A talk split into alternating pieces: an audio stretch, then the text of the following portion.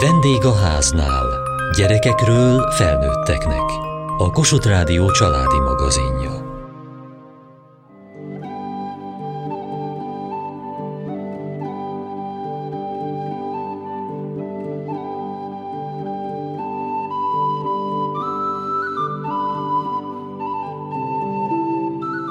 Táplálni a gyermekét természetesen és egészségesen minden szülő terve. Ma már egyre több édesanya dönt a kizárólagos anyatejes táplálás mellett. Ám ha probléma adódik a szoptatással, szerencsére lehet szaksegítségért fordulni, legújabban a Semmelweis Egyetem gyerekklinikájának laktációs ambulanciáján. Aztán jöhet a hozzátáplálás, zöldségekkel, gyümölcsökkel – s ha a gyermek, főleg a nagyobbak mégsem fogadnák szívesen ezeket, ötletet kaphatunk az Együnk több zöldséget, most megjelent szakácskönyvből.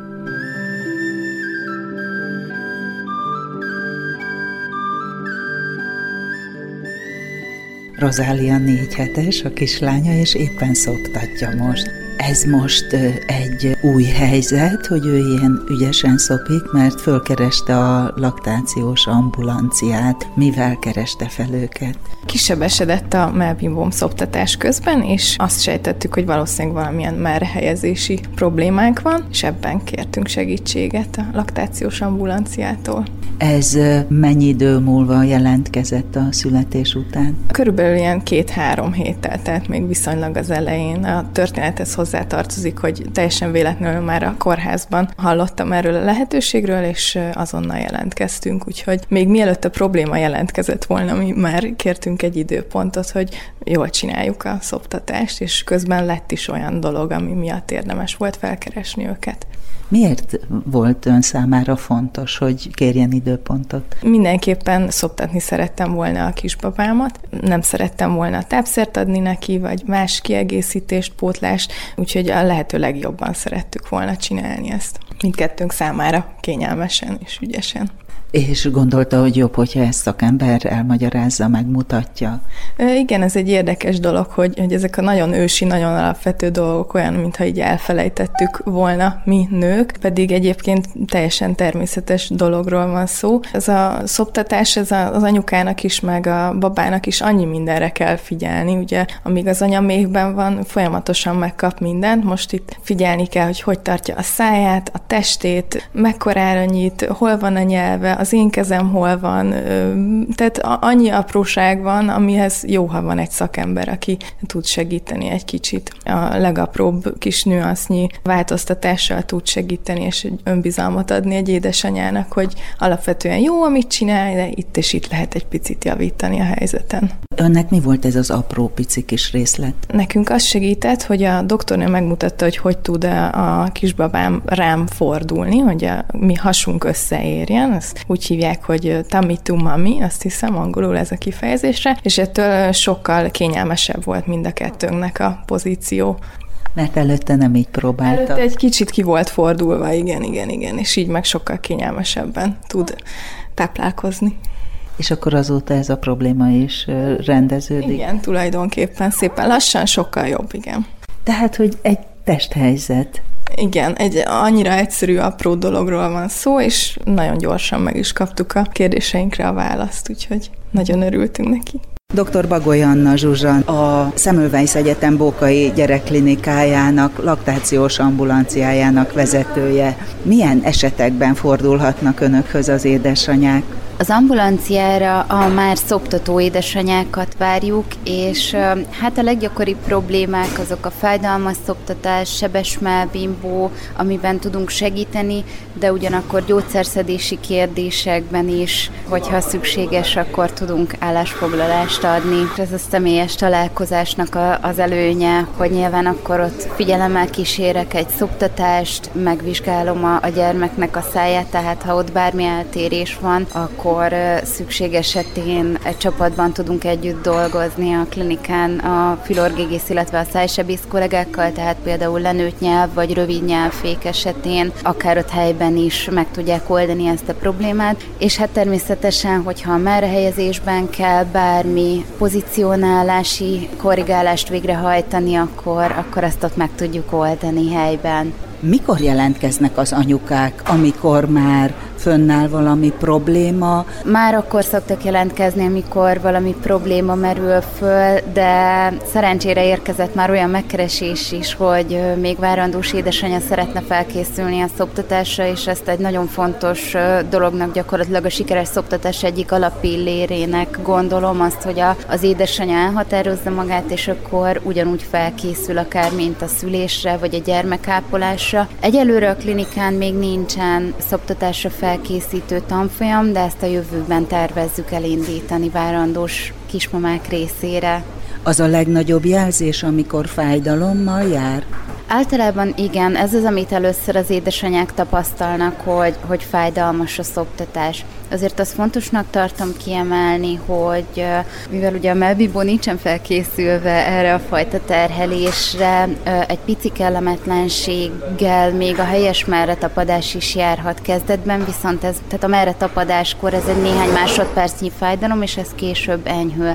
Viszont, hogyha folyamatosan fennáll a fájdalom, akkor mindenképpen meg kell vizsgálni, hogy ennek mi áll a hátterében. És mik állhatnak? Leggyakoribb a, pozicionálási probléma, tehát hogy mondjuk kifelé fordul a, a baba szoptatás közben, vagy hogy mondjuk csak a, a bimbót kapja be, és akkor azon cumizik. Ugye a helyes merretapadásnak a, az egyik legfontosabb eleme, hogy a gyermeknek nagyra kell nyitnia a száját, és gyakorlatilag egy tompa szöget kell tapasztalnia az édesanyának a, a szájzukban, tehát tényleg ilyen óriásira, mint egy ilyen tátongva kell kinyitnia a száját a gyermeknek, és hát gyakorlatilag a bimbo udvarnak is egy nagyon jelentős részét be kell kapnia ahhoz, hogy megtörténjen a helyes merretapadás. És hát általában sajnos a fájdalmas szoptatásnak, a nem megfelelő merretapadásnak a következménye az az, hogy ha rossz helyre kerül a bimbo a gyermeknek a szájában, akkor ott folyamatosan a kemény szájpadhoz nyomódik, és ez nagyon csúnya mechanikai sérüléseket okozhat. Ekkor tapasztalják az édesanyák, hogy kisebesedik a melbimbójuk. És hogy lehet elérni a kisbabáknál, hogy jó nagyra nyissák a szájukat? Hát általában érdemes figyelni már a korai éjségjelekre, tehát amikor az újszülött vagy a csecsemő felébred, elkezdi forgatni a fejét, nyitogatja a száját, nyújtogatja a nyelvét, esetleg a kezét a, a, a szájához teszi, ezekre a jelekre már érdemes már helyezni, és ilyenkor a legtöbb esetben azért magától szép nagyra nyitja a, a száját a gyermek. A sírás ez egy késői éjségjel, és gyakran ilyenkor nem sikerül sikerül rögtön már helyezni a babát, ilyenkor érdemes először megnyugtatni, és ezt követően próbálkozni újra a merre helyezéssel. Tehát ház van, vagy van azért hely a listán, ahogy önökhöz jelentkezni lehet? Hát az elkövetkező egy hónapra gyakorlatilag teljesen tele van az előjegyzés, ugye az online felületen keresztül, az online időpont foglaló rendszeren keresztül tudnak a, a tanácsadásra jelentkezni az édesanyák. Nyilván azért ez hátrány valamilyen szinten ö, sürgős problémáknál, tehát például gondolok itt egy ö, meggyulladásra, tejcsatorna elzáródásra, ami nyilván nem várhat egy hónapot, de akár ugye ilyen az elégtelen tejmennyiség is, ami, ami esetleg sürgető megoldást igényel. Hova lehet hirtelen fordulni? Alapvetően Budapesten még egy gyermekkórházban működik laktációs ambulancia web finanszírozással.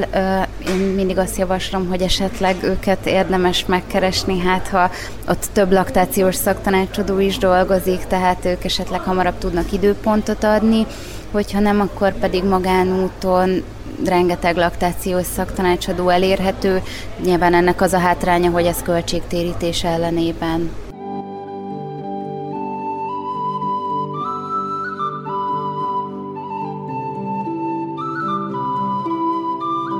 Milyen zöldségeket ismersz? Kukorica, répa, paradicsom, káposzta, gretek, paprika és lila hagyma. Nagyon fontos is az egészségnek, meg az immunrendszernek, hogy jobban legyünk is, a C-vitamin mindig fontos nekünk. Régebben ettem répát, hagymát, paprikát. A zöldség helyett én inkább ilyen hát hízlő ételeket, de nem vagyok még cuci. Mi az, hogy egészséges táplálkozás?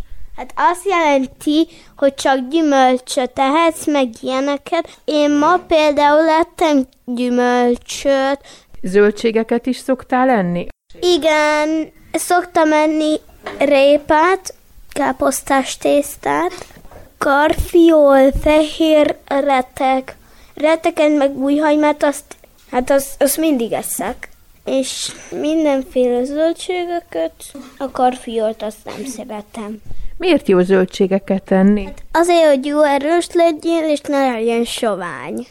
Azért, hogy ne legyünk betegek, mert hogyha mindig csak csokit meg ilyen chipseket ennénk, akkor nem lennénk egészségesek. Mondtad, hogy kell egészségesen táplálkozni. Mit jelent ez a te életedben, hogy mik azok az ételek, amiket meg kell lenned? Saláta, koktélparadicsom, uborka néha, sárgarépa, lila hagyma, hagyma. Télen is eszel paprikát, paradicsomot, uborkát, meg nyáron is? Nincs különbség. Igazából nincs, mert ugye elraktározzuk ugye térre ezeket a dolgokat. Ezekből mennyit eszel? Nem mondhatnám, hogy sokat, de azért eszek. Odafigyelnek nálatok a családban? Hát igen. Veszünk zöldségeket és gyümölcsöket. Miért kell egészségesen étkezni? Azért, mert hogyha nem étkezel egészségesen, akkor vitaminhiány is fölléphet, és akkor nem lesz tápanyagokban gazdag a tested, és nem fogja azt segíteni, hogy esetleg növekedje, vagy egészségesebb legyen a hajad, vagy a fogaid, vagy a bőröd. És hogyha nem eszel zöldségeket, akkor egy idő után szervezete miatt egy kicsit leépül. Te voltál már úgy, hogy leépült a szervezeted ilyen miatt? Nem, mert én mindig eszek zöldséget és gyümölcsöt.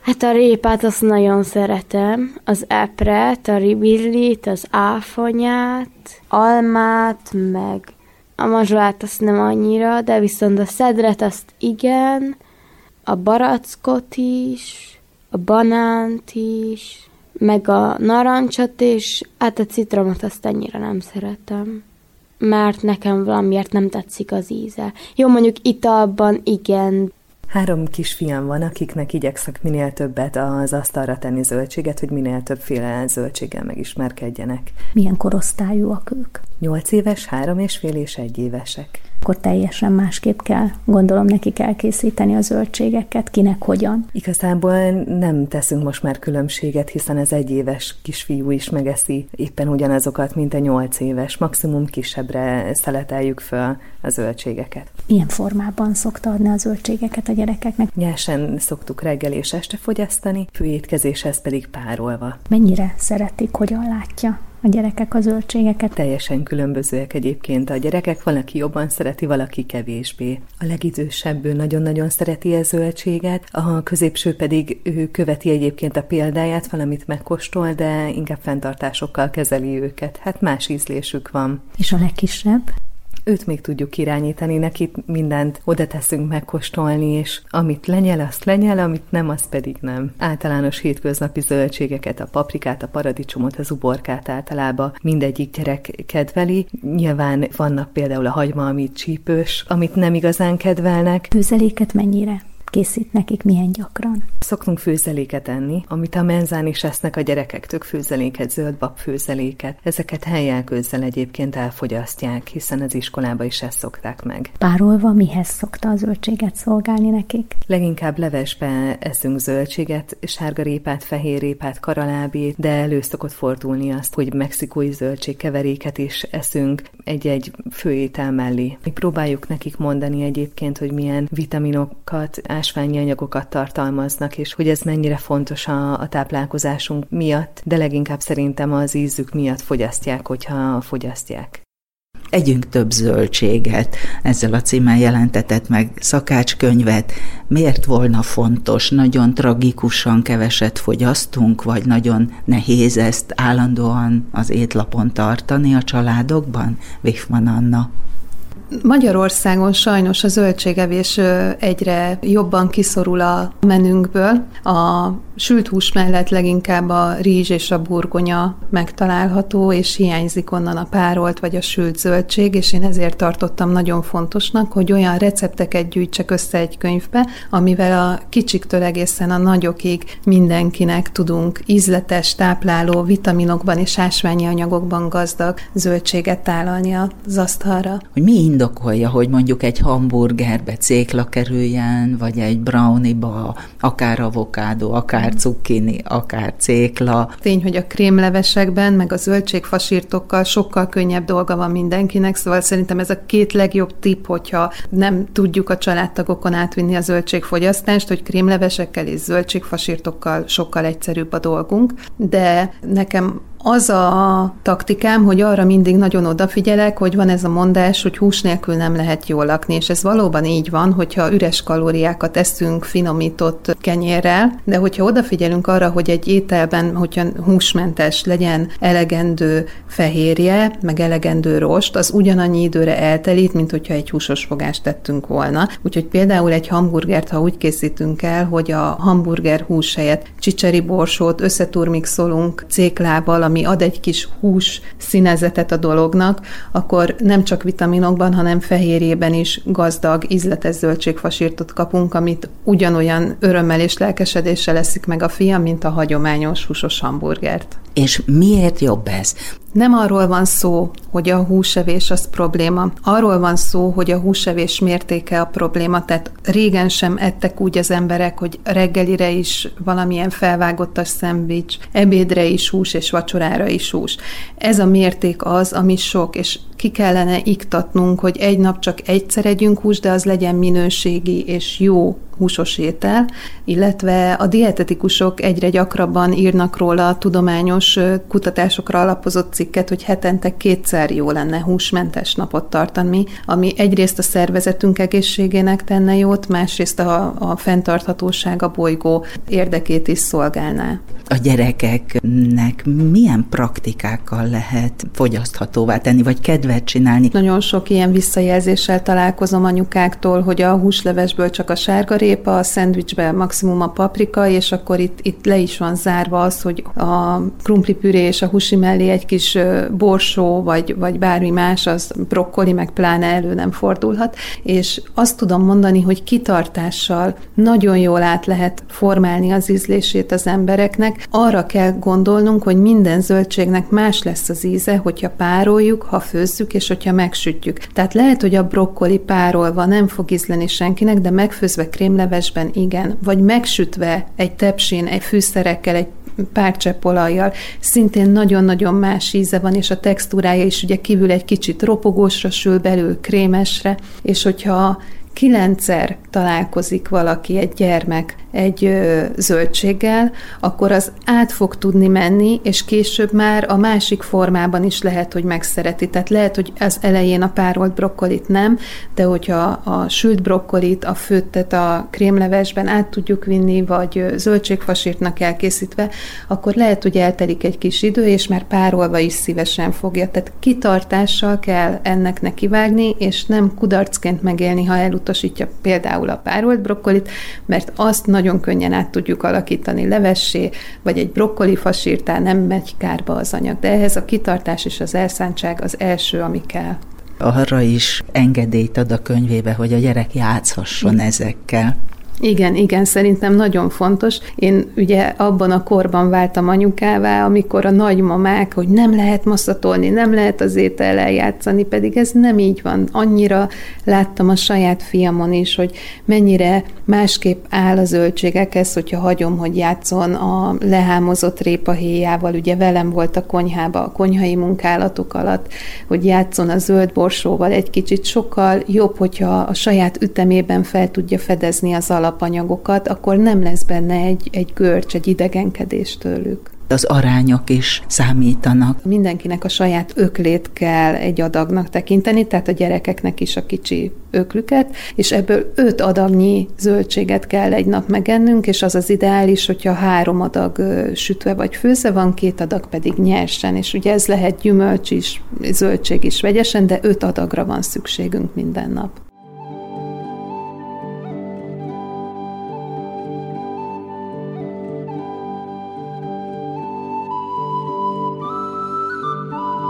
Harminc éves a Vendég a háznál műsora. 1992. májusa óta minden hétköznap gyerekekről felnőtteknek.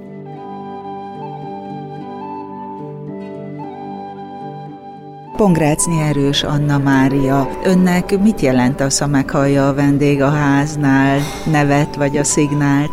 Nekem mindig a szívemet melengeti, hiszen amikor az egy, egyéves házassági évfordulónkat már négyen ünnepeltük, mert ikreink születtek, onnantól egy teljesen új életszakaszba érkeztünk, és azzal, hogy én otthon voltam és babáztam, és még nem volt ennyire ugye az internet világa sem elterjedve, sőt mi nem vittük be a házasságunkba televíziót, rádiót, így a mindennapokban a rádió volt az, amit a gyerekek mellett, a babázás mellett ugye a híreket tudtam hallgatni és figyelni, és mindig nagyon vártam a Vendég a háznál című műsor, mert felfedeztem, hogy hát micsoda kincsek és micsoda fontos témákat hoznak elő, amik engem is érdekelnek, és már érintett is vagyok benne. És akkor nyílt ki egy világ a műsor által, hogy milyen mélységei vannak a gyermeknevelésnek, a gyermekvállalásnak, a családi életnek, milyen színes, milyen problémákkal küzdenek az édesanyák nap mint nap otthon, akár ha egészséges a környezetük, akár hogyha betegségekkel találkoznak, vagy olyan élethelyzetekkel, amikre esetleg nem voltak korábban felkészülve. És én tíz évig vezettem egy babamama klubot a Kármélita családos közösségben, amíg kicsik voltak a gyerekeink, ugye hat gyermekes édesanyja vagyok, sorba jöttek aztán a gyermekek, öt kislány és a végén egy kisfiú, és ott is ugye hasonló életállapotban voltunk az édesanyákkal, és olyan jó volt a vendég a háznál műsor kapaszkodónak, hogy olyan témákat érintettek, amiben én is érintve éreztem magam, és ezáltal a hasonló életállapotban lévő anyukák is, és volt, hogy együtt hallgattuk, vagy megbeszéltük azokat a témákat, amiket felvetettek, vagy visszahallgattuk a műsort, úgyhogy nagyon sokat kaptam tőle.